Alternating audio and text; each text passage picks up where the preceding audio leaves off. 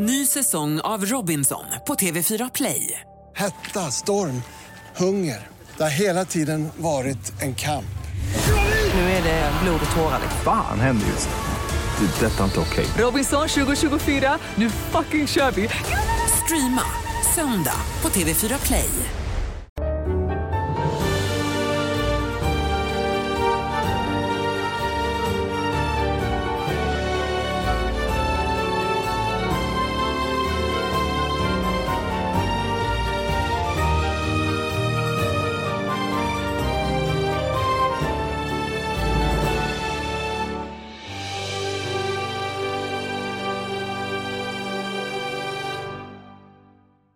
Då säger vi varmt välkomna till ännu ett nytt avsnitt av Big Six. Vi spelade ju in vår senaste avsnitt i tisdags och idag är det torsdag som utlovat. Men det blev kvällstid då eftersom du hade fullt upp på jobbet.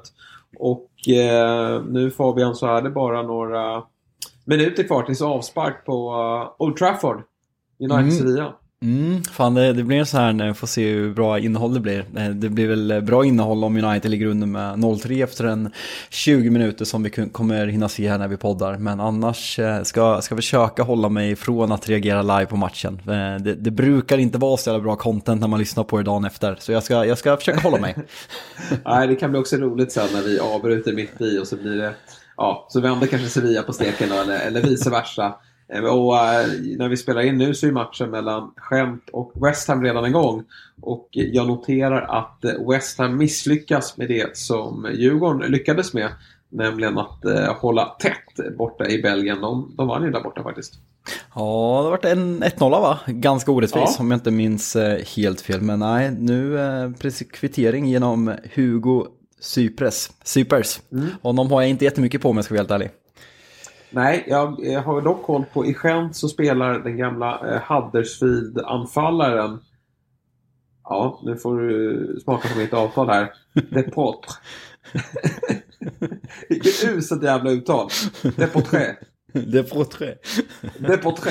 Nej, Belgare. Jag är så Eh, svag. Va, det- va, va, var det Gen- nej, vilket, vilket lag var det den här spelaren som gjorde mål hela tiden? Kommer du ihåg när vi snackade om det för några veckor sedan? Ja, men det är han. Han startar på topp idag. Eh, ser jag att det är. Det är eh, Gift eh, Orban. Ja, visst var, det var Gent? Ja, det var det. det var, Jajamän, jajamän. Så, ja. Eh, 20-årig nigerian som ju har eh, förflutet i eh, den norska ligan. Eh, jag tror han spelade i, i Stabäck Mm. i, eh, ja, i höstas. Han gick ju här i januari och har ju öst in mål sedan han anslöt till Gent. Men inget mål i eh, kväll. Så de har lite kul trupp här. Jens Hauge, ja, vad har du på honom?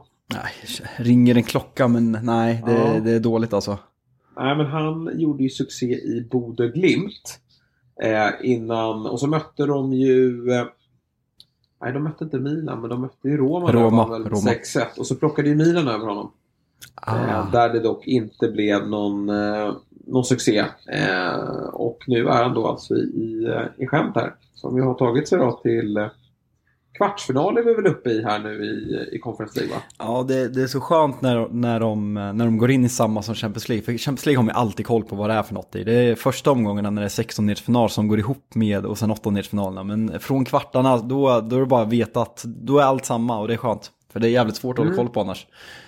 Ja, verkligen så. Men vi håller väl en, en tumme ändå för, för West Ham här som ju verkligen slåss på två fronter. Jag noterar väl att det, det är en viss, viss rotation, men inte mycket. Eh, Ariola är tillbaka i kassen och eh, Dennings eh, gjorde ju målet här framspelad av, eh, av Bowen. Eh, ska ju sägas dock att det var ganska taffligt försvarsspel här från eh, skämt. Jag har sett matchen med, med ett halvt öga här men eh, Jared Bowen spelar fram till Danny Ings, tog ledningen men nu är det alltså 1-1. Så får vi se vad den slutar. Det ska ju spelas en retur också i, i London. Sen har ju West Ham en, en viktig match till helgen också när det är London Derby mot Arsenal. Får se lite vad, vad fokus ligger här men, men helt klart är att de inte har på långa vägar säkrat någonting i, i Premier League ännu. Men, men mer om det lite senare då när vi snackar upp eh, eh, helgens matcher. Annars blir ju såklart fokus på den, på den stora tävlingen ute i Europa, nämligen Champions League. Eh, två engelska lag kvar i kvartsfinal. Och vi börjar väl ändå med stormötet i tisdags på Etihad, Manchester City mot Bayern München. Och det blev på nytt då en riktig riktig höjdarinsats från eh, hemmalaget. Och eh, jag noterar det att de eh, i mötena mot Manchester United, Liverpool och Bayern München har stått för 13 gjorda mål på hemmaplan. ja, men det är helt, det är helt sinnessjukt. Jag är, typ, jag är typ orolig för mig själv, för jag jag är en pessimistisk supporter. Jag går gärna åt det kritiska hållet åt Manchester United och jag känner själv att jag har hyllat City och så här. Jag gillar ju City-spelare och det, det, är mitt supporter. Jag gillar inte att jag gillar så många spelare i Manchester City exempelvis.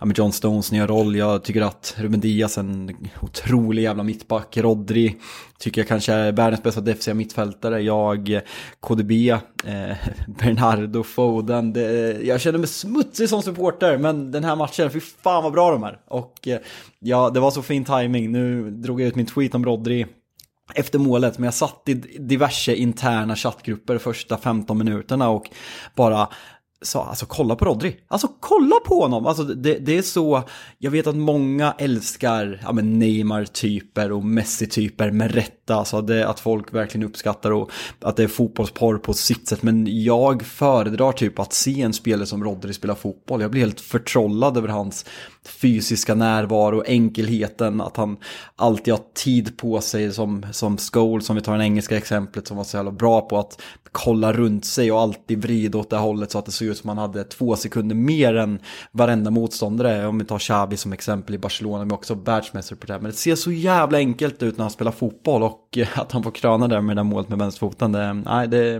det var fint. Ja, nej men han är en, en gigant och han, det är han som håller ihop hela laget. Han låter ju ja, men De Bruyne och Gündogan fylla på i, i, i boxen och yttrarna. De, de kan vara offensiva och Håland, Håland han gör ju sitt. Eh, sen har de ju eh, fortsatt ha fyra mittbackar där bak och det, det går ju väldigt bra. I den här matchen tycker jag väl att, att eh, John Stones mer är som en mittback och Akanji då kliver ut och är lite mer av en, en, en högerback. Så det, det, är eh, några justeringar mot eh, Torshälls eh, Bayern München tycker jag mig se.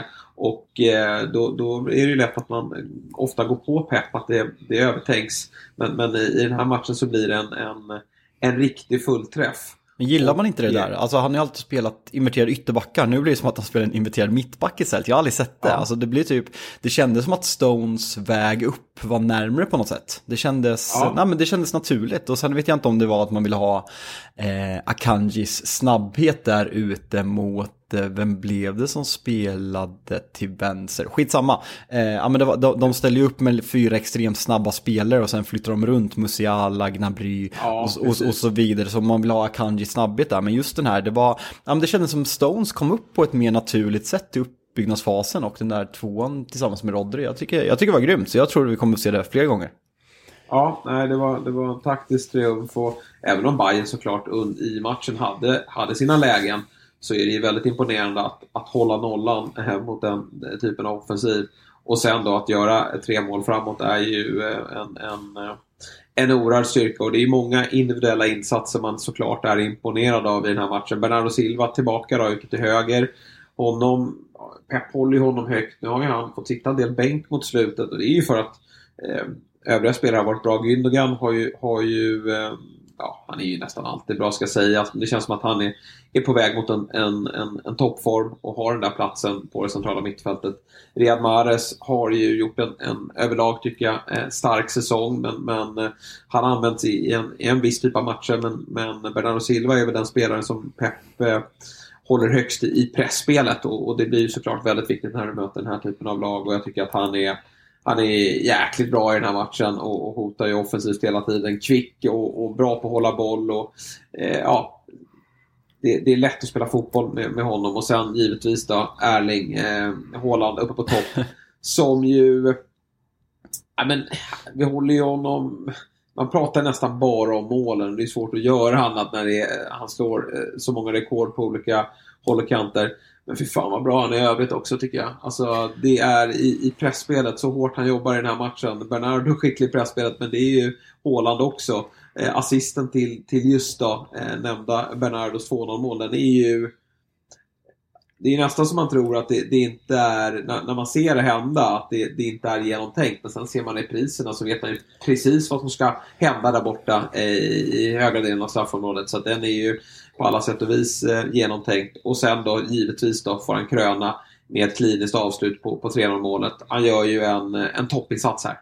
Men jag tycker Håland har kommit in i det. Även i början av säsongen när han liksom öste in mål så gick det ändå så här, ja men vissa toppmatcher framförallt på bortaplan när han gick mål alltså var jävligt osynlig och knappt nudda bollen och det gick den här nej men diskussionen som var inför säsongen. Blir City bättre med Håland, Var man bättre när man spelar med falsk nia för att han inte är tillräckligt involverad i spelet? Jag tycker verkligen att han har visat, kanske framförallt efter VM och kanske framförallt den senaste månaden när City har haft den här superformen, eh, att han är jävligt bra i spelet också, att han börjar komma in i det mer och mer. Och återigen man glömmer hur ung han är, man glömmer att det är hans första säsong i England, man pratar med andra spel, exempelvis Anthony om den här akklimatiseringsperioden som man ska få för att Premier League är så jävla tuff nu ironiserar jag att det är en överdriven sägning, men det är ju inte så att man pratar sådär om, om Hålands första säsong, för han, om du jämför hur involverad i spelet och pressspelet och tyngden och hur mycket han ligger bakom, så tycker jag att man ser en klar förbättring nu kontra hur det var i början, även om man kanske gjorde mer mål då, så tycker jag att han är bättre för City. Jag tycker City är bättre som lag just nu, även om Håland,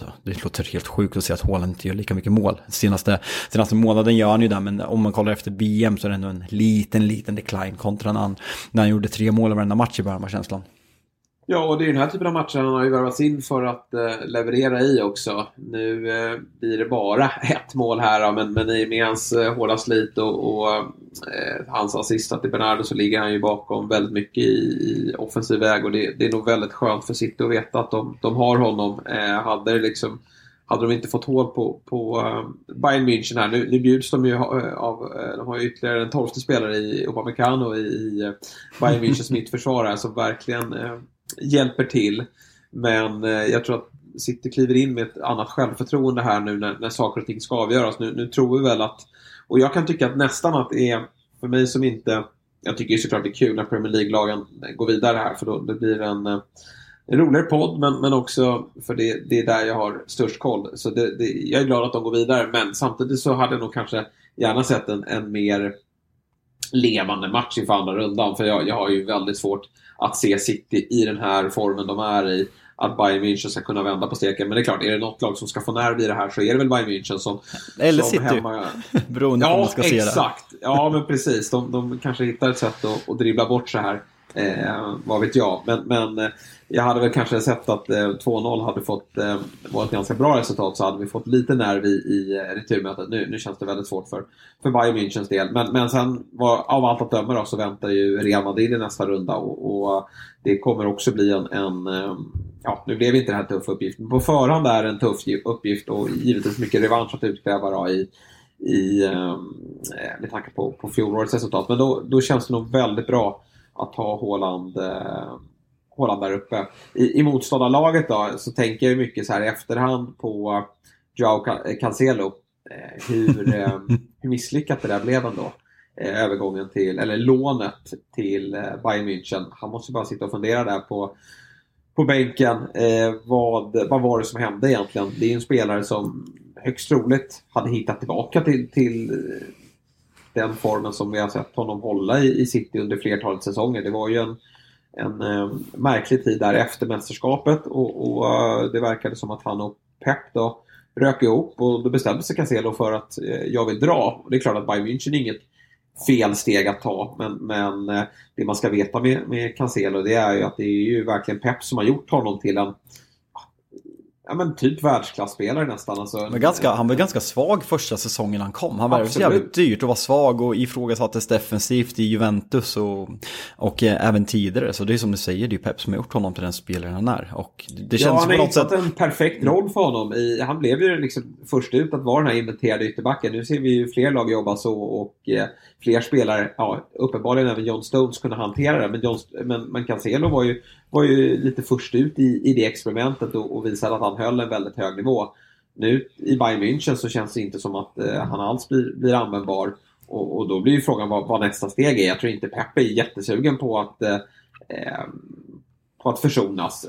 Men han blir, blir utbuad han blir utbuad. Alltså när han, jag vet inte om det var när han kom in eller när han värmde upp. Det är ju, det är ju ovärdigt. Alltså så här, dels för, alltså man måste ändå säga så här, City gör en jättebra match men ah, ah, bua ut sin egen spelare för att man enligt rapporter har ryckt ihop med tränaren. Det, det är inte värdigt. Han tillhör fortfarande klubben, han kan ha en framtid i klubben. Tänk ett steg längre.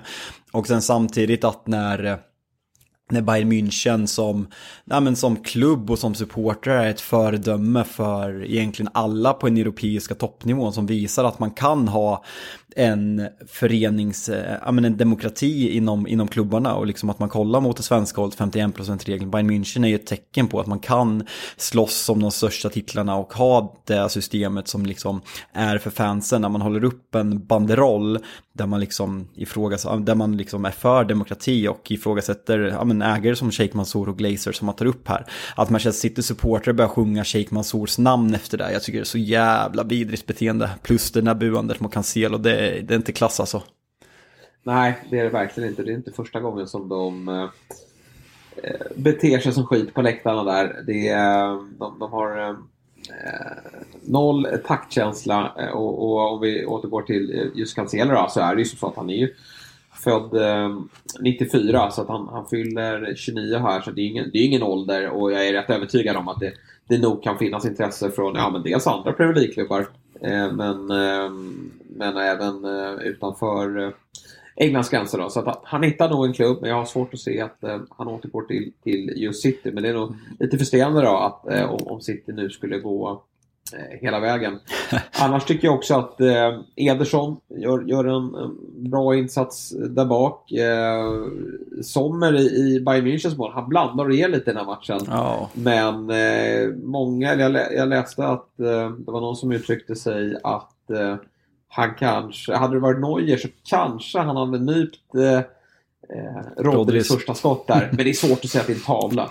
Ja, alltså Neuer är ju, alltså med längden och allting med hans eh, fysik så, ja, nej, tveksamt att lasta honom för det här. Det var, det var mycket mer andra, alltså det är detaljer också i den här matchen. Alltså eh, Ruben Diaz block på Musiala i första halvlek. Man ser verkligen ja. i vinkel bakifrån att den där, har, den där skruvar in sig precis vid stolpråten. Den är så jävla sexig alltså. Sen, det jag gillar med City i den här matchen, jag tycker att man är, ja men som vanligt, jag, jag sa det i någon annan match Snapchat, jag tror jag skrev till dig att alltså när man ser City så här bra, hur kan de inte vinna alla matcher? Och jag tänkte typ skriva samma sak efter tio minuter.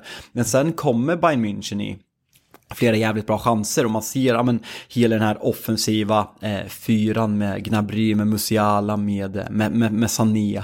Att att, eh, att, att, att det finns, de kan verkligen hota Manchester City och sen den här blocken som, som sticker ut som kanske är den bästa mål, målchansen. Men sen är det att City, Ja, jag nämnde det efter vinsten mot Arsenal när man börjar slå lite längre och man har den här situationen när Håland är någon millimeter offside mot Gabriel när han bara forsar över honom och att jag tycker att City vinner den här matchen på att gå ifrån deras ja, men, klassiska City-spel. Man vinner på fysik den här matchen. Man springer sönder, man vinner andra bollar och man visar att man är ett starkare lag. Och jag, jag gillar verkligen den här sidan från Pep, att han är villig i vissa matcher att övergå den här besattheten av possession och spela mer rakt. Jag tycker att man har gjort det, men det här är väl tillsammans med matchen mot Arsenal, då man har satts, ställts på prov liksom hårdast. Och då vågar man spela ett mer rakt och gå ifrån sin ursprungstaktik och filosofi. Och det, det, det ska man ha jävligt cred för. Jag tycker att man borde fortsätta göra det i, i de här matcherna.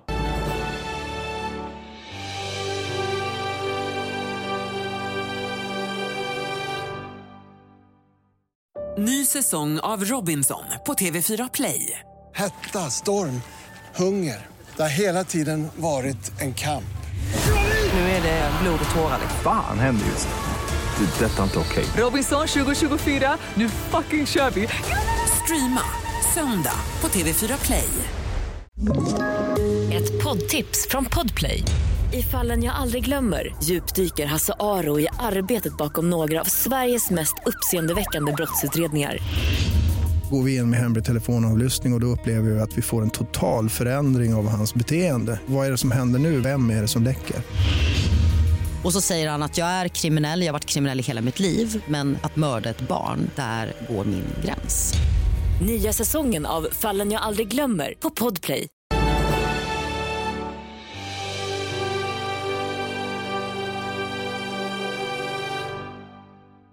Mm. Ja, han har väl satt upp ett uh, större register i antar an matcherna. Men jag tycker att så här, ehm, i, i början på andra halvlek då, då, då står matchen och väger lite grann. Och, och um, Bayern har lägen, City har lägen. Men man tror väl någonstans att det här kommer att uh, avslutas på, på, att det kommer att bli ett hyfsat jämnt resultat. Det skulle kunna bli 1-0, det skulle kunna bli 2-0, det skulle kunna bli 1-1. Men sen är det där i, i typ ja, men när, när målen börjar trilla in där, från 65 minuten och framåt, som jag tycker att City växlar upp. Eh, och, och, istället för att liksom, Bayern München får en forcering, vilket man kan ju tro i det där läget, så är det faktiskt City som, som trycker på och att man då även får utdelning under den här perioden. Eh, De Bruyne kliver av, han åker på någon eh, smäll där och, och, såg allmänt sliten ut även om han var besviken när han byttes in. Och då är det coolt också att, eh, ja men, men då kan man ju tänka sig att det ska ja, men att man kanske tar in Calvin Phillips eller eh, någon annan lite mer eh, defensiv spelare. Men, men det är ju Julian Alvarez som har kommit in på den där, i den där positionen. Och eh, det visar ju också på att så här, det är ju nästan så att City spelar med två anfallare. Alltså De Bruyne är ju han, han, jobbar ju hårt i båda riktningar men han ligger ju ganska tätt, eh, Håland, och det gör ju Alvarez när han kommer in också. Och vilken spelare där är, där, där, där blir det intressant att se. Vi har ju pratat ofta om att första året i City, då, då, då lär man sig mycket eh, av, eh, av hur klubben funkar, i synnerhet när man kommer, eh, när man kommer ifrån Sydamerika. Eh, sen har ju Alvarez haft en helt sanslös säsong på, på så sätt att han har ju vunnit VM också och varit eh, högst bidragande till det VM-guldet. Men jag tycker att i varje match han spelar så har han varit riktigt, riktigt bra. Men det är svårt att, att få in honom i det här laget. Han ska ju helst inte vara ute på någon kant. Dels för att City har ju bra kantspelare, men också för att han, han eh, har ju det här djupledshotet centralt. Men också att han jobbar väldigt hårt. Alltså det är, det är en fruktansvärt hårt Ehm, ja, vad man nu kallar offensiv mittfältare, anfallare. Jag, jag, tror att en, en, en tränare som Jürgen Klopp väldigt gärna hade sett honom i, i, i sitt lag. Och, och, jag tror definitivt att det kommer vara en del förfrågningar på honom. För det, det kommer ju vara som så för City att de någonstans måste ju börja lova speltid för honom. Och, och, eh, och då är frågan i vilken, i, i vilken roll. Om, om eh, det skulle kunna vara som så att han skulle kunna få vara bredvid Håland eh, allt oftare. Och kanske att De Bruyne då, som ja, lite till åren, att man kanske börjar fundera på att eh, man ska låta han gå vidare. Fan, du sa ju att van Dijk var ung, så att jag känner mig ung nu senast. Nu säger du att eh, Kevin De Bruyne som är lika gammal eh, börjar eh, komma till åren. Fan, jag... Ja, känner mig gammal. Jag med där. Alltså, det, han har ju själv klagat på att han har haft lite för mycket skadeproblem. Han gör ju... Ja, men det ser man, liksom...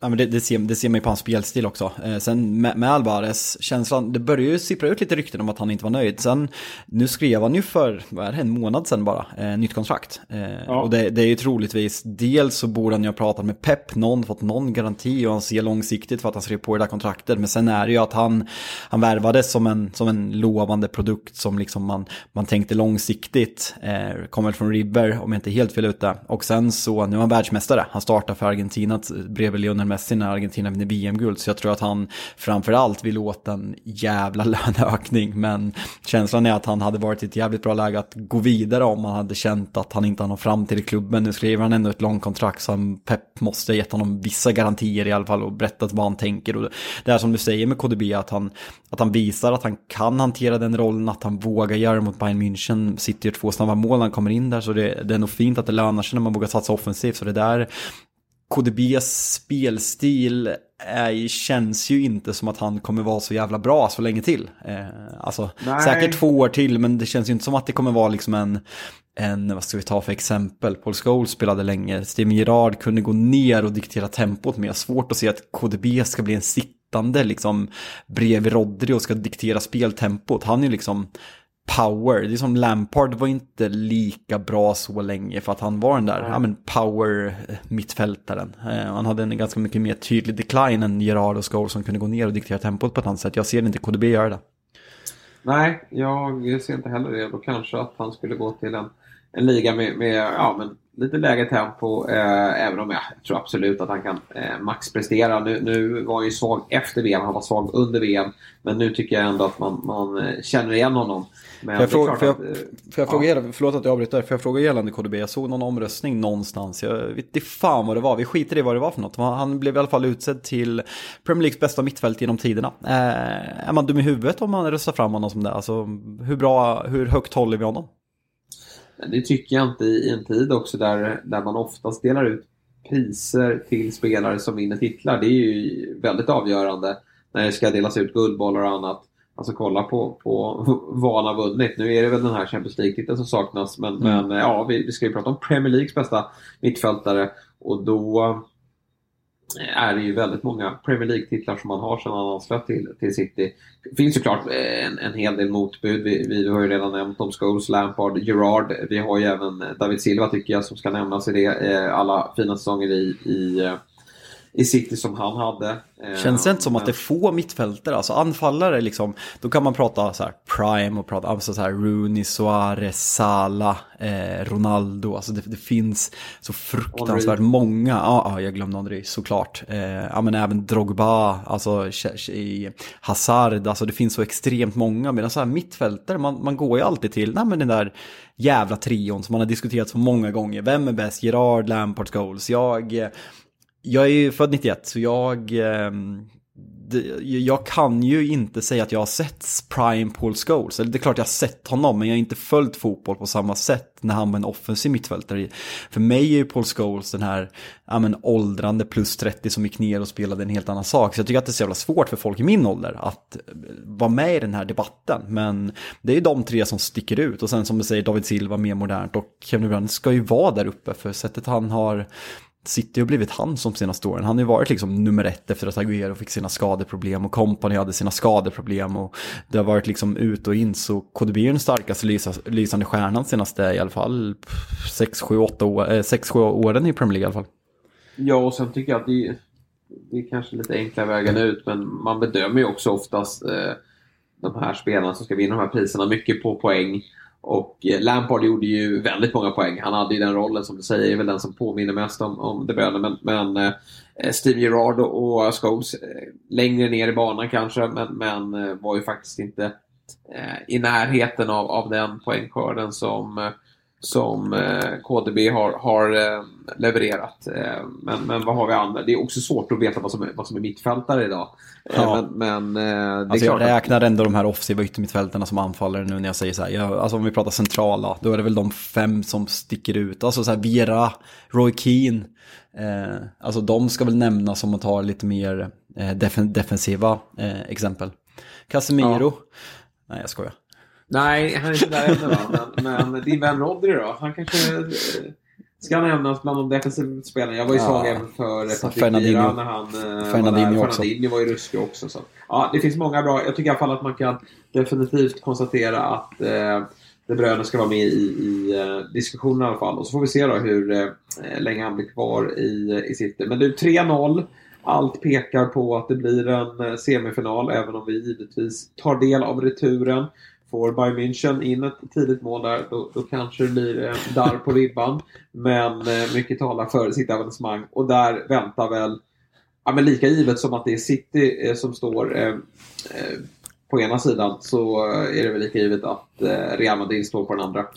Ja, det är verkligen känslan. Eh, och alltså första fem minuterna, Chelsea måste göra mål där. Eh, man känner ju så här, alltså Chelsea är så jävla bra första ja, men sju, åtta minuterna. 200-procentiga lägen, bland annat Sterlings friläge och mittfältstriangeln. Jag fick ju som jag ville att de ställde upp med en femback och, och stä- ställer upp med det där, det där treman mittfältet. Och de ja, men kör ju triangelspel och liksom Kroos, Modric och, eh, och eh, Valverde får inte, får inte låna bollen. Jag bara, fan, det, det är klass det här alltså. Jag hade en diskussion med Samuel Leach i, i Fotbollsmorgon lördag där han hävdade att ingen på Chelseas mittfält ens platsar på Real Madrids bänk. Eh, Och det provocerade mig lite. Och jag, då kände jag så här, här, här, här får Leach smaka. Alltså vilken, vilken klassskillnad första, första sju. Men eh, nej, det, det fick man, de tankarna fick man ju fick man äta upp för över 90 minuter i klasskillnad. Sen när det är tillfälligheter, eh, målvaktsretur som Benzema gör mål, utvisning med Chilwell- Men eh, det, det är ju på något sätt klasskillnad på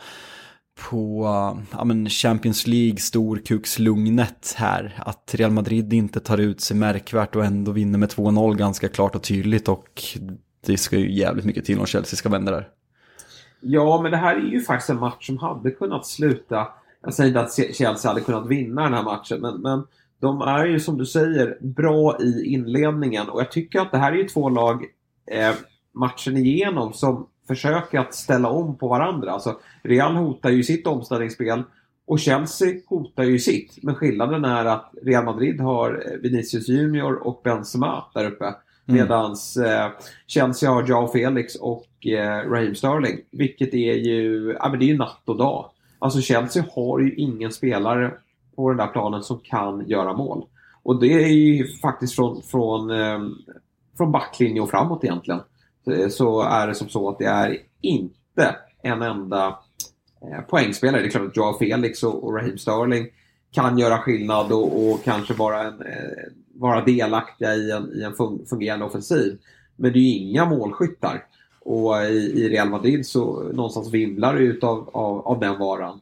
Och då när Chelsea ändå får en ganska trevlig eh, start på matchen och, och ja, men, sätter försvarsspelet och vinner lite kamp på mittfältet och, och börjar hota eh, Real bakom deras backlinje. Då känner man ju att får de bara målet här nu så kommer det ju, ja men det är möjligt att, att Real eh, Eh, vänder och, och vinner en sån match. Men att få med sig 2-1 till Stamford Bridge är en jävla skillnad tycker jag. Kontra att det nu står 2-0 och Ben Chilwell är avstängd. Så det är jättesynd för Chelseas del här att de inte lyckas hota. Att de fortfarande inte har någon målskytt på plan. Eh, för sen då när, när, jag tycker att Real Madrid jobbar sig in i matchen och eh, de börjar skapa lägen, ja, men då vet man ju att, att det, det kommer att smälla. För det finns eh, helt andra eh, typer av matchvinnare i, i Real Madrid. Så att, eh, ja, 2-0 och, och, ja, det är väl ändå ett resultat som är 2-0 är bättre än 3-0, sticker ut hakan här. Men, men eh, det är också eh, större skillnad mellan de här två lagen och man har ju så svårt att se Chelsea kunna ens göra eh, Man kan inte göra mål i, i, en match. Nej, det går ju inte. Det går inte. Men alltså känslan jag har med, med den här matchen, alltså dels ska Chelsea ha chans att slå Real Madrid över två möten och få ett bra resultat, framförallt på Bernabéu. Alltså folk måste prestera på, på topp. Och jag tycker att delar av Chelsea ja, men gör en habil insats, liksom helt okej. Okay. Men som, som jag säger, Sterling måste göra mål i början, och Felix också ha något läge. Fofana tycker jag man ser, alltså han, han, ja, var jävligt, han, han var jävligt dyr men han, eh, det, det känns som man gör sin första match på den här nivån. Och det går att argumentera för att det är hans första match på den här nivån. En match av den här digniteten, att det är hans största match i karriären och han visar att han inte är redo. Sen tror jag långsiktigt att det där kommer bli en bra värvning. Men samma sak när Nicolo Bali går av och Kushreya kommer in, för dålig. Eh, Chilwells agerande, eh, säga vad man vill om den där regeln. Eh, han, han vet om det, eh, slarvigt gjort. Han, han han borde kunna hinna ifatt honom och kunna störa honom i skottögonblicket. Sen, jag tycker att det säger så mycket om de här klubbarna. Om vi går tillbaka ett år i tiden när de här två klubbarna möts så är Chelsea det klart bättre laget över två matcher. Och vi vet alla att Real Madrid går vidare på, på den här, de här sjuka sättet i matcherna mot PSG, mot Chelsea, mot Manchester City. Man får avsluta på hemmaplan i alla tre mötena. Men om man kollar på de här lagen, alltså startelvan som Real Madrid ställer upp med, alla de här spelarna var i Real Madrid, nej Alaba är ny för år, eh, men 10 av 11 spel i Real Madrid är exakt samma spelare som Chelsea över 180 minuter spelar ut förra året. Medan Chelsea har värvat, de har samma spelare som förra året, minus Lukaku, sen har man värvat för 5 miljarder. Det säger någonting om situationerna i klubben, tryggheten i klubben, vart klubbarna har tagit vägen det senaste året. Och folk pratar om att psykologi är viktigt i fotboll. Jag tycker att man ser i den här matchen hur, hur viktigt psykologi är, vart de här klubbarna är, vad som hände med Real Madrids mentalitet när man gick och vann den här Champions League-titeln, vad som hände med de här spelarna och vad som har hänt med Chelseas spelare sedan förra året. För det, det är samma spelare, med tanke med bara att man har, nej men du har förstärkt med Fofana för miljarden, du har värvat Mudryk som sitter på bänken för miljarden, du har värvat Enzo Fernandes för miljarden, du har värvat Raheem Sterling som en, ja men har varit en, en given målskytt, du har lånat in Atletico Madrid Madrids bästa spelare, men ändå är det Real Madrid som är så tydligt jävla bättre. Och det här är ju ett underbetyg till, till Todd Bowley eh, och vad han har gjort med den här klubben. För det var en välmående klubb under Thomas Tuchel för ett år sedan. Och nu är det en, en klubb i spillror. Och att han går i Sky Sports och blir intervjuad inför den här matchen och säger ja ah, men vi ska vinna med 3-0, vi är i bra skick, vi ska vinna här med 3-0. Jag tror vi vinner med 3-0 på Bernabéu. Alltså han framstår ju bara som ännu mer dum i huvudet när han håller på sådär. Jag är trött på att såga honom, men vill han bli tagen på allvar så kan man inte stå och säga sådär i en intervju när man ska möta Real Madrid på på Bernabéu. Nej, är, han, är, han är verklighetsfrånvänd och det är ju som vi är inne på ett, ett mörkt år som man har bakom sig i Chelsea.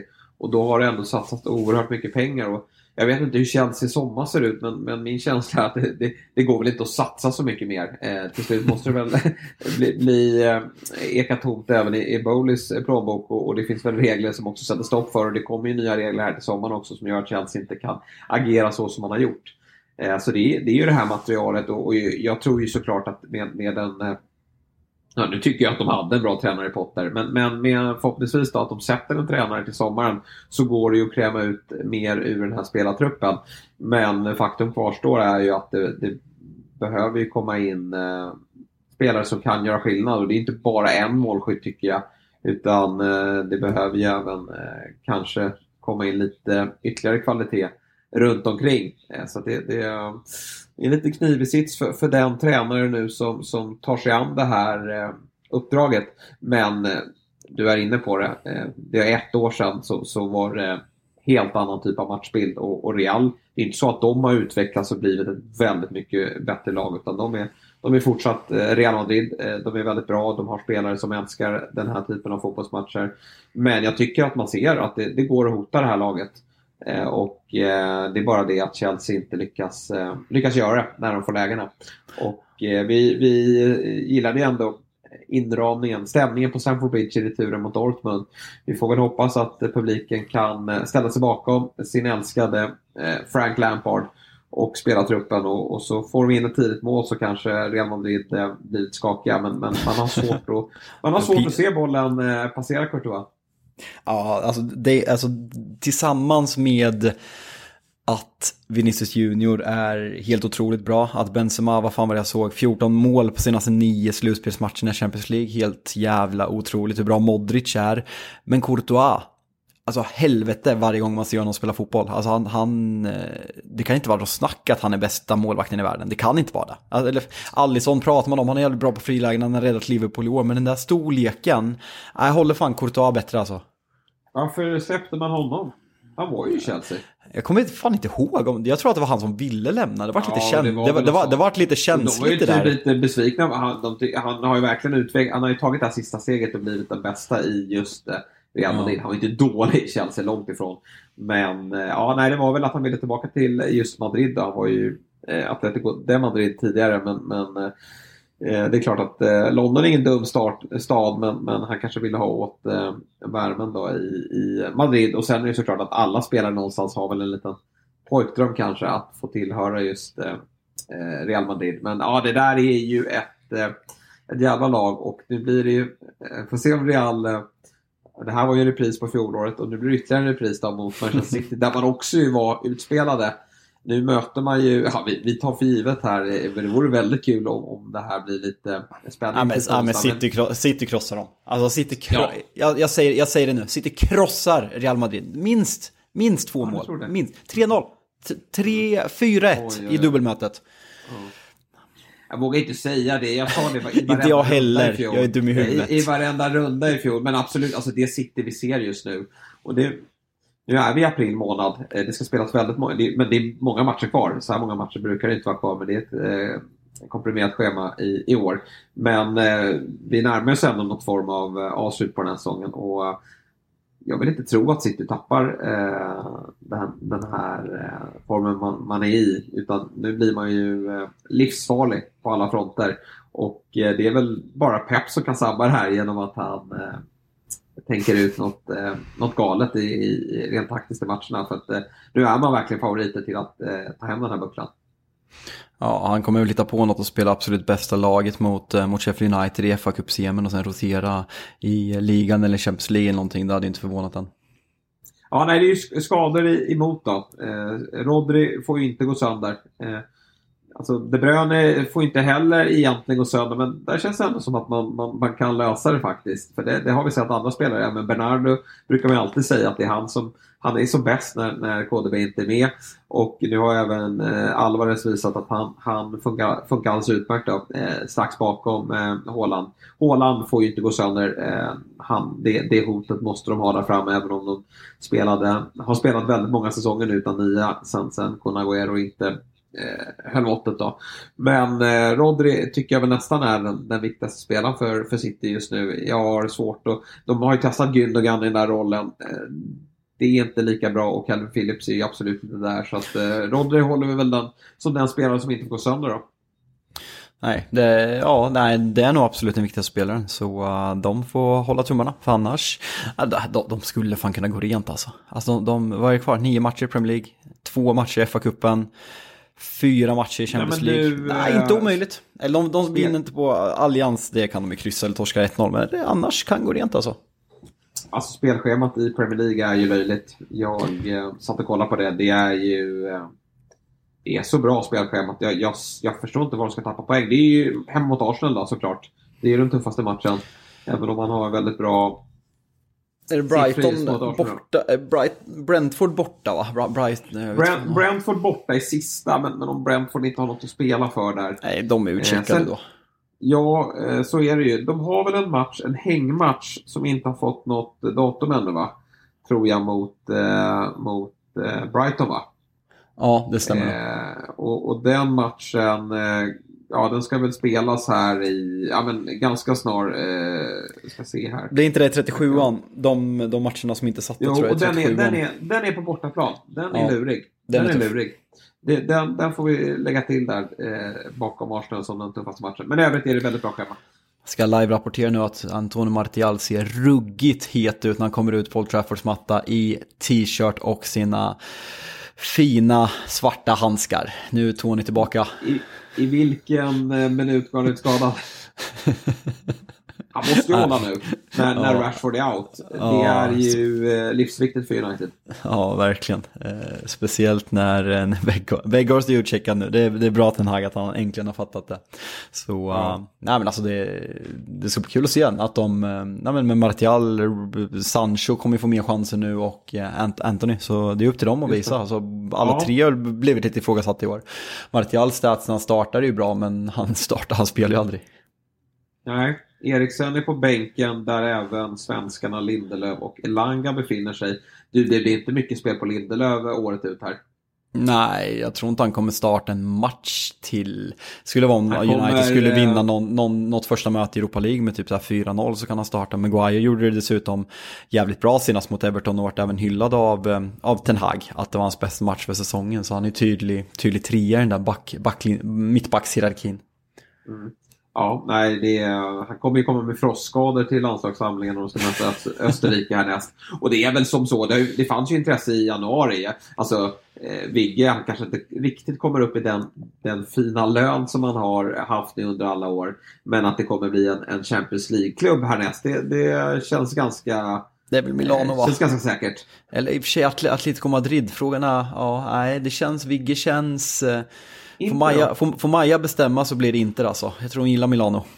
Ja, ja men och det är ju inte alls dumt att få eh, kliva in där och bli ordinarie och, och slåss om ligatitlar och, och Skriniar till PSG också, så det finns ju en plats där. Ja, precis. Nej, men det, det blir bra för Vigge. Men United, där, där kan han ju faktiskt inte vara kvar längre. Där känns det tydligt som att eh, när även Maguire är förbi i ordningen, då, då, då blir det kämpigt att få speltid. Men du, United i, i övrigt då? Rashford skadad då? Vi, vi nämnde det. Det är ju ett hårt slag såklart, men, men det verkade väl inte vara allt för allvarligt ändå. Nej, eh, Ten Hag skrev misses a few games, eh, så det beror på lite hur allvarligt det är. Lär ju missa, eh, det är alltså, vad blir det, sju, nio dagar till semifinalen mot, mot Brighton på Wembley. Känslan är väl att han missar den och bör, vara tillbaka därefter någon gång. Eh, så eh, ja, vi, vi får se hur avgörande det blir. Det är upp till dem jag nämnde nu att eh, kliva fram och bevisa att man inte är så beroende av Marcus Rashford. Och annars, United-led så eh, ska alltså budgivningen in i tredje rundan. Den här finlandssvenska miljardären som Är kom in sent med ett bud. det riktigt eller? Med finlandssvenska? Ja. Eh, Peter Landén gjorde en intervju med honom i eh, Kick and Rush och sen även en intervju på Expressen. Nu såg jag att det låg en, upp en artikel på Fotbollskanalen. Men cynikern i mig säger att det är ett stort jävla PR-trick. Eh, jag tror att han inser att han inte har en chans att vinna en budgivning mot, eh, mot Qatar-budet eller Sir Jim Ratcliffe. Så uh, cynikern i mig säger att det är PR. Eh, han verkar ha dragit sig ur nu, som jag har förstått det, för att det liksom går in i tredje och liksom kritiserar Glazers väldigt publikfrieriande, vilket ökar att jag tror att det bara är PR. Eh, men, men som sagt, alltså det, det, är en problematisk situation att man går in i tredje budgivningen. De hade ju hoppats att få det gjort på Q1 och nu gör United 1-0 efter 27 sekunder, men det är bortdömt för offside. Fan! Där fick, där fick du skadeglädjen på live-kommenteringen. Berätta, jag har inte, på, jag har inte slagit på matchen ännu. Djupledsboll till Sancho som gjorde mål, men det var, det var offside. Nu ska vi se. Ja, det var, det, det, var, det, var, det var en meter offside.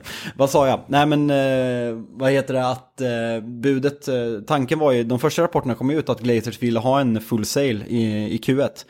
Men, och det där börjar bli lite, känslan är fortfarande att det kommer bli en full sale, säger de senaste rapporterna, att man går in i tredje budfasen om man vill öka priset, jag vet inte, men just osäkerheten för sommar, eh, för det är liksom, ja men flera spelare som United sägs vara intresserade av. Harry Kane som sticker ut, kanske även Jude Bellingham. Eh, stora namn och jag tror att United behöver ha vetskap hur framtiden ser ut, hur mycket pengar man har, hur mycket, eh, hur mycket pengar, om det blir Qatar, om det blir Glazer som är kvar, om det blir Sir Jim Ratcliffe, vart pengarna kommer komma ifrån, hur mycket pengar det finns och säkerhets, säkerhetsställa för spelarna som kommer, hur man kommer satsa framöver med upprustning av träningsanläggning och, eh, och arenan i stort. Så att det inte händer någonting på så här lång tid när man hade förväntat sig att det skulle vara klart tycker jag är jävligt oroande.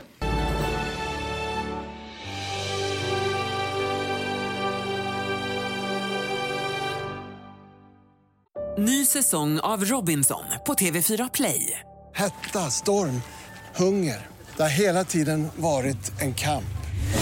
Nu är det blod och tårar. Fan händer just det. Är detta inte okej. Okay. Robinson 2024, nu fucking kör vi. Streama söndag på TV4 Play. Ett poddtips från Podplay. I podden Något Kaiko garanterar östgötarna Brutti och jag, Davva, dig en stor dos skratt. Där följer jag pladask för köttätandet igen. Man är lite som en jävla vampyr. Man har fått lite blodsmak och då måste man ha mer. Udda spaningar, fängslande anekdoter och en och annan arg rant. Jag måste ha mitt kaffe på morgonen för annars är jag ingen trevlig människa. Då är du ingen trevlig människa, punkt. Något kajko, hör du på podplay. Därför är gardinerna.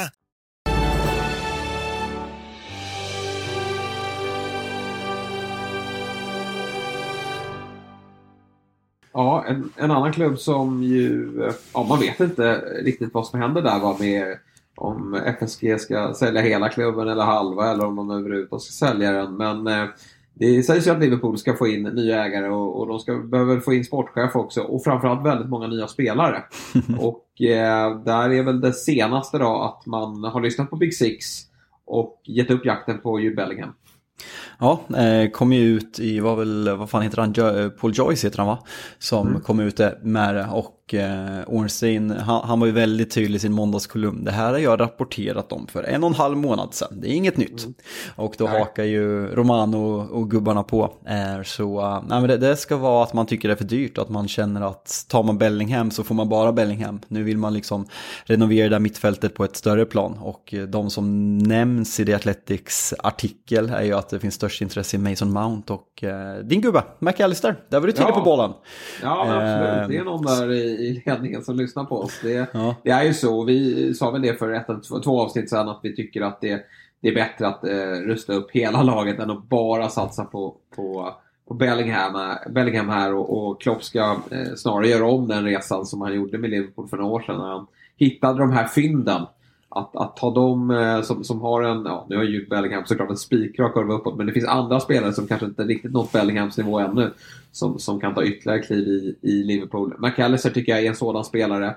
Eh, mm. din favorit i Fulham också, Palinja såg jag, eh, kunde bli eh, aktuell också. Det känns ju också som en sån här Fabinho, som, som måste, inte, en... måste, måste inte Fabinho få en chans till? Alltså det är ju ändå, Fabinho är 94 tror jag och det är samma roll som. Ska vi, hur många spelare ska vi ge en chans till då? Det är ganska många vi kommer upp i då. Eh, alltså de andra... Alltså de Van Dijk ska vara där, Trent ska vara där, Robertson ska vara där. Ja. Eh, ja. Men- just på Henderson skulle ge mittfältet- honom en chans till också. eller? Alltså han ska väl, kan väl jag tycka, få en Milner Ja, det är alltså, Ja, men det är det. eh, Thiago tycker jag väl på något sätt, det är, det är svårt att skeppa, men han, nu börjar vi komma upp i de här 91, är han 91 Han känns gammal.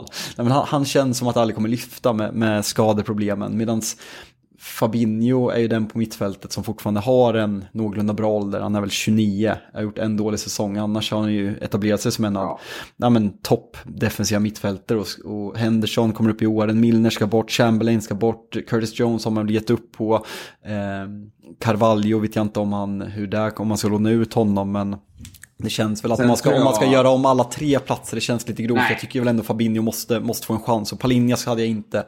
Det, I sådana fall om nästa januari typ, om Fabinho fortsätter vara så här dålig, för då behöver det ske någonting. Eh, Ja, men sen tror jag också det handlar mycket om, vilket vi aldrig vet, hur, de beter sig på träningsanläggningar, vi- i om, omklädningsrum och så här, vad de har för inställning. Och det blir väl också någonting för Klopp att eh, när de ses här i, i början på juli att, att eh, känna av också. Vi- Vilka är, är, är sugna på, på omstarten här nu och, och ta Liverpool tillbaka till, to- till toppen. Och, och är det som så att de, han känner att han inte får de svar han vill ha, då är det ju mycket möjligt att de här spelarna eh, skeppas iväg. Ja exakt, att, Klopp, eh, är, Klopp är ett geni där. Mané gick ju från att vara världens finaste människa till ett psykfall när han lämnade Ja, Liverpool. Så exakt. fingertoppskänsla. Ja, men det kan vara så. Får vi se vilka han offrar eh, den här sommaren då. Men McAllister, hans pappa, som är ju såklart hans agent också då. Han är ju dessutom, eh, pappan eh, McAllister var ju med i VM 94-truppen faktiskt för Argentina. Eh, eller om det var 90-truppen. Men jag vet att han eh, har spelat VM för Argentina i alla fall. Han är agent nu åt sonen och han gick ut, vilket var väl föga förvånande då, att McAllister trots då att det kan bli Europaspel för Brighton, att han kommer eh, vilja vidare och det är inga konstigheter i det. Jag tycker att det var jag tycker det är bara stort att han stannade kvar den här eh, våren. Det känns som att han absolut hade kunnat dra redan i januari efter det där världsmästerskapet och vad han har gjort för Brighton också. Men eh, han har stannat kvar, känns ödmjuk och lojal och har eh, fortsatt att eh, prestera på en väldigt hög nivå, liksom hela Brighton. Men nu i sommar blir det ju såklart svårt att behålla honom. Sen vet vi att Brighton är bra på att ta betalt. De är inte alls eh, fega på att nobba bud, precis som de gjorde med Caicedo här i, i, i somras. Men eh, det, det ska nog skickas upp en, vad tror vi? 6 till 700, ja, 600 miljoner var måste upp. Ja, det, det är nog något sånt. Alltså, ändå startande spelare för Argentina som, som vinner VM-guld. Så det där priset har gått upp för jävligt rejält. Sen, vilken plats han ska ha, ja, det, är- det är ett jävla pussel att få ihop för Leopold där. Förresten, jag, är inne, jag googlar eh, hans pappa, Carlos McAllister. Politisk karriär, före detta statssekreterare för idrott i Argentina. Oj, du ser. Ja, men då kanske Ja. han inte är den här eh, odugliga, ursäkta den här brorsan eller farsan som bara får en agentroll bara Ja men det, det är inte De Neymar. ska ha något Nej, att göra. nej, nej, Neymar har någon dum jävla familjemedlem som Ja, har fått allt för honom. Messi också, är så exakt. trött på skiten. inte jättesvårt att behöva sälja in sin grabb utan det, det är ju bara att peka på hur mycket man vill ha så, så får man väl det.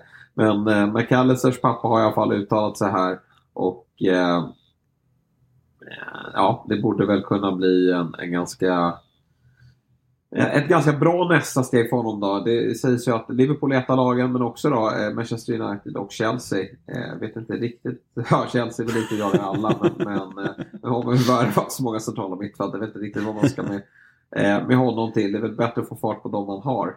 United däremot kan det bli absolut aktuellt. Han är ju eh, faktiskt bara 24 år gammal, eh, McAllister. Så det, det är en bra ålder också på honom.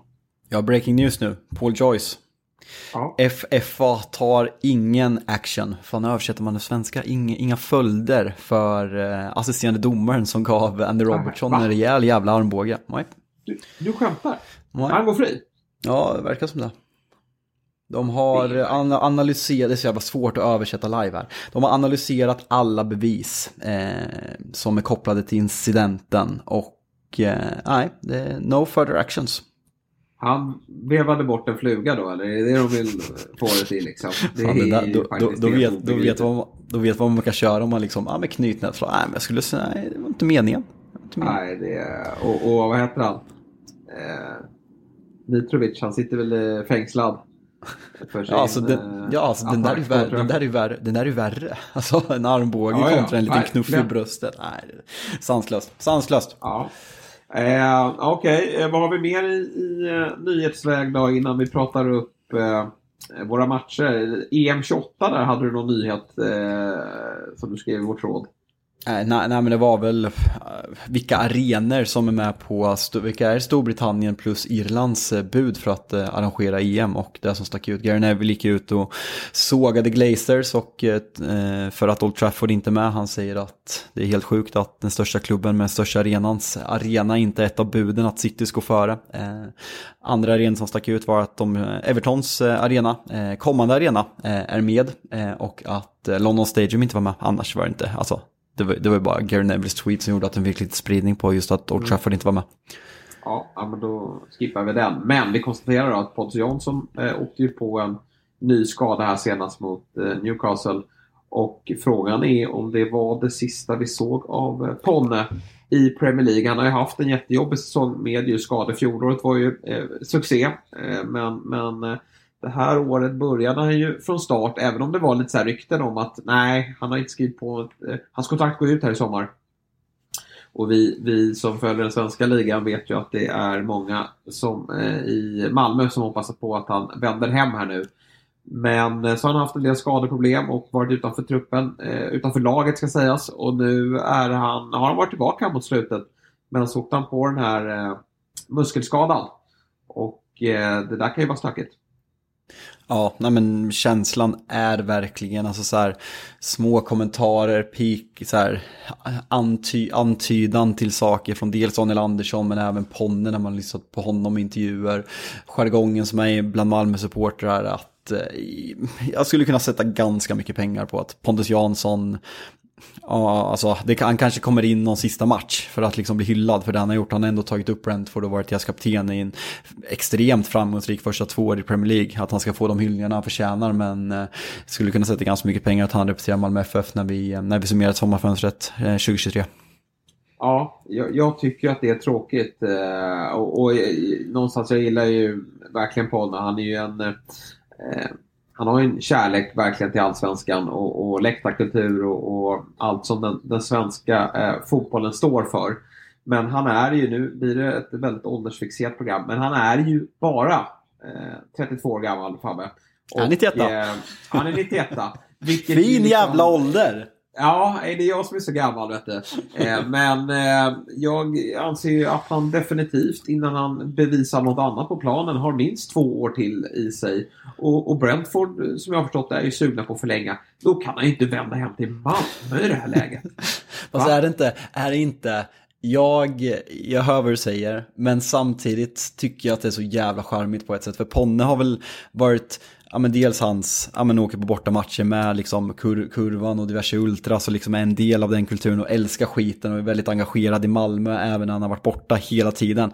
Han har ju alltid sagt att han vill inte komma hem när han är, nej men om vi tar Micke Lustig som ett exempel, var Micke Lustig, liksom han hade två, två och ett halvt år, halvdana år kvar i Gnaget han har ju alltid haft Rosenberg som förebilden, att han vill komma hem och färga sitt Malmö i en lång tid. Att han kommer hem när han liksom fortfarande presterar på plan, så att det inte är att han bara ska checka ut och avsluta i allsvenskan. Och jag kan väl ja, men på många sätt ha, ha en jävla respekt för det, om, om det blir så han gör. Eh, vilket säger mycket om Ponne som person, att det inte bara är snack, att han, han står för det han säger också. Så det, jag, eh, det är klart att han har jävla mycket mer pengar att tjäna där borta, men är kärleken för Malmö så har jag jävla respekt för det.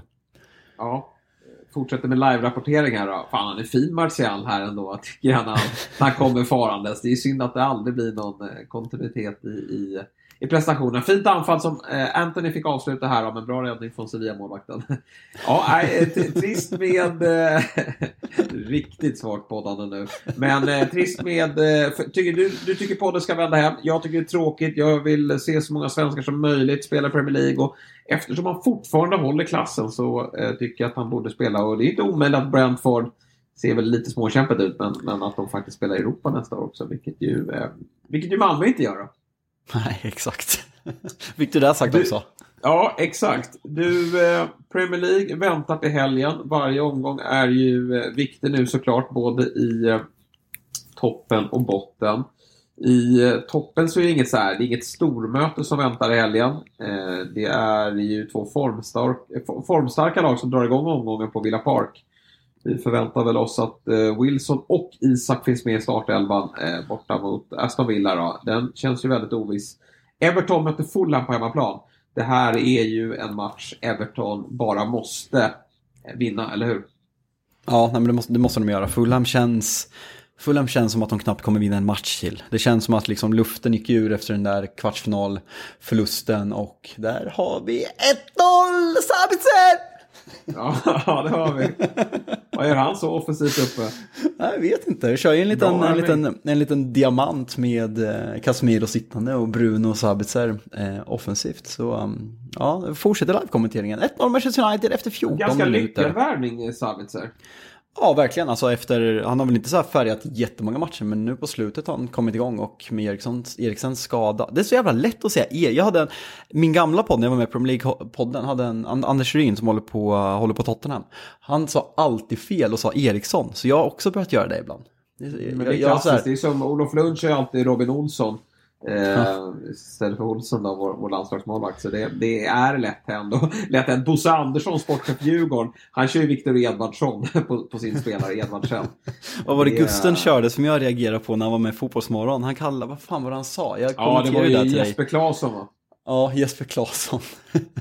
För övrigt då, det blir väldigt sidospår. Eh, men eh, Jesper Karlsson då, eh, han är bänkad ikväll eh, för AZ i, i eh, Europa League. Oj, tänk om tränaren får frågan efter matchen och kommer en ny... Eh, Ja, men jag menar det. ny Hade kanske Janne haft rätt hela tiden. Janne är ett geni. Eh, Everton var vi på. Eh, jag, Yes. jag tror inte Fulham tar många tre poänger till den här säsongen. Jag tror att man kommer, man kommer typ inte sjunka som en sten för att man har så långt ner. Men eh, det kändes som att säsongen tog, tog slut där i kvartsfinalen med trippla utvisningarna och uttåget i FA-cupen. Eh, så Everton, Everton kommer vinna den här matchen. Eh, Shandaish kommer eh, få, ja men han kommer lösa det där. Eh, det tror jag absolut. Mm. Eh, övrigt då under lördagen då såklart City mot Leicester men det, det ska ju vara asfaltering. Eh, under söndagen så är det ju Londonderbyt som blir ju viktigt i både toppen och botten. Eh, West Ham hemma då mot eh, Gunners och eh, ja, jag tror det blir en tuffare nöt än eh, vad eh, man kanske tror när man ser tabellen. Vi får se hur eh, Arsenal reagerar då på poängtappet borta mot Liverpool. Nej, jag säger att de, eh, de, eh, det blir en asfaltering här också. Fy 3-0.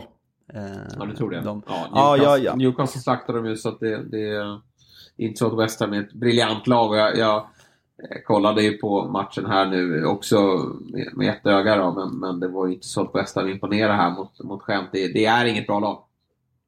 Nej, alltså de, de är konstiga. Kollar man spelare för spelare så är de ju jättebra. Alltså de ska ju ligga ja, men där Brighton och Brentford ligger på något sätt. Eh, och det var där man hade tippat dem. Eh, så det är där som man inte får ihop när man... När man ehm, Fan, det är svår, jag, jag kommer bort mig när vi börjar få så här halvchanser. Det är så jävla svagt det här. Ja, men kul match där faktiskt. Det- Ja. Är, även Sevilla sticker ju upp här ibland. Ja, nej, verkligen underhållande match. Eh, vart var jag? West Ham. Ja, nej, snart man. Man, eh, man får inte ihop, men när man kollar på truppen så ska de vara bättre än vad de är. Men just Arsenal, de, de spelar med sån jävla självklarhet. Jag tycker att Martinelli har kommit igång, vi ifrågasatte honom lite efter VM. Saka fortsatt bra, fått tillbaka Gabbe Jesus i, i tok bra form.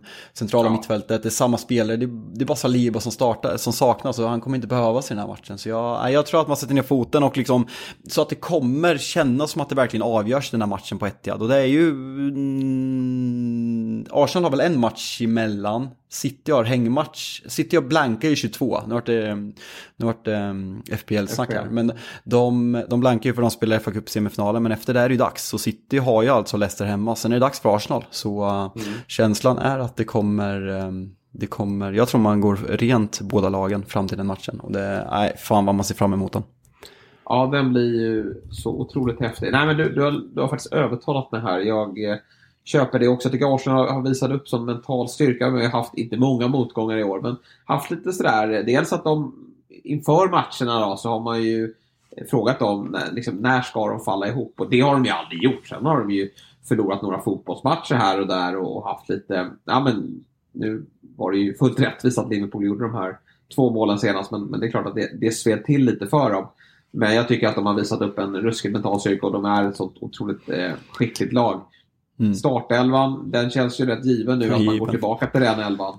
Som eh, var så bra i inledningen av säsongen och så får eh, Trossard och, och Ja, nu är Eddie också Enkatia eh, tillbaka i, i träning och det känns ju också som ett bra vapen att ha här. Det är ju fler spelare som, som är tillgängliga här nu när eh, ska avgöras, eh, desto bättre är det såklart för Ja, men om, man, om, man, om man behöver gå för till slutet så är det jättebra att ha de alternativen. Även Jorginho som kan komma in och hålla bollen. Måste även, säga det, vi kanske inte var, vi kanske kritiserade Arsenal lite för, för matchen mot, eh, mot, eh, mot Liverpool för att man var så färgad av andra halvlek. Men lyssna på Gary Nevilles podcast som han kör på, på Sky Sports eh, live efter sista söndagsmatchen. Han sa ju alltså under alla sina år i Manchester United, alltså Anfield var det vidrigaste stället att komma till. Även när Liverpool hade en dålig säsong likt man har i år.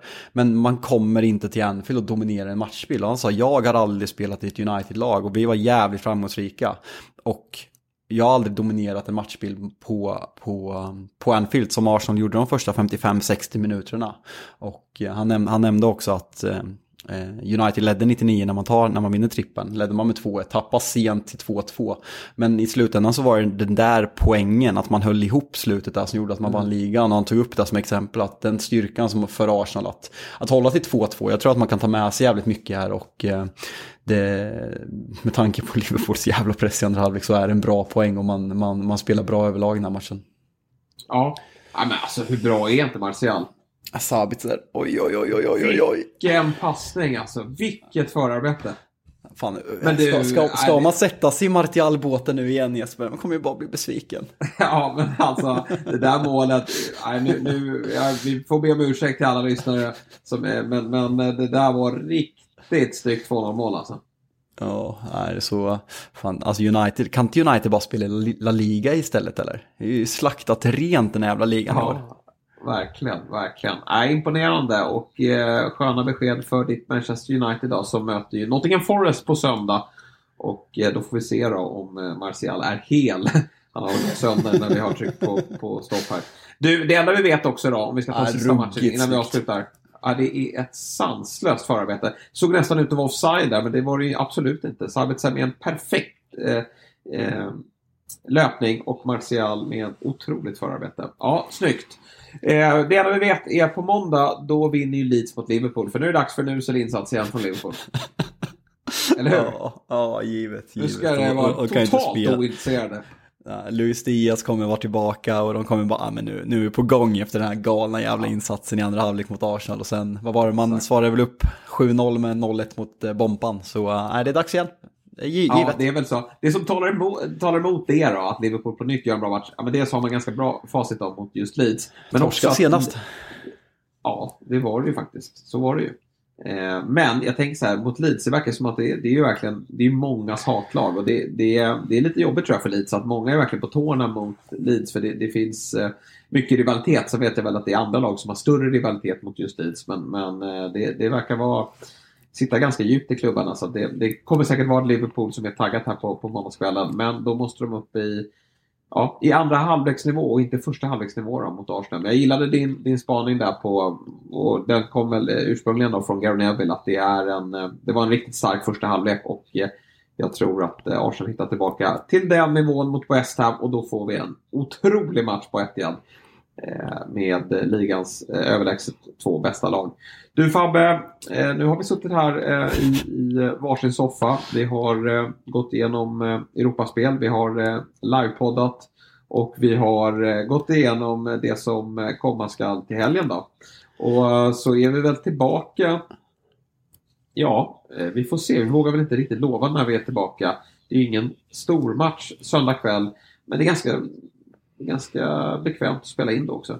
Ja, söndag passar mig väldigt bra. Eh, Det var ändå kul, måste säga så här, nu har vi suttit här i en timme och fem minuter. Innan sa vi så här, nej men det är inte så mycket att snacka om, 45 blir bra idag. Eh, Liksom, vi behöver inte köra mer, men nej, tiden går, det går, det går fort när man har roligt. Ja, så är det verkligen. Och eh, Premier League är kul och det kommer bli ännu roligare då, när allting ska avgöras. Och givetvis så lyssnar ni på Big Six för att få eh, det senaste och det bästa från ligan. Tack Fabbe och tack till alla er som har lyssnat. Vi hörs i början på nästa vecka igen.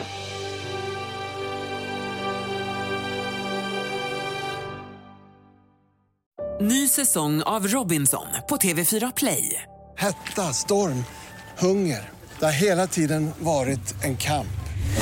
Nu är det blod och tårar. Fan händer just. Det. är Detta är inte okej. Robinson 2024, nu fucking kör vi! Streama söndag på TV4 Play.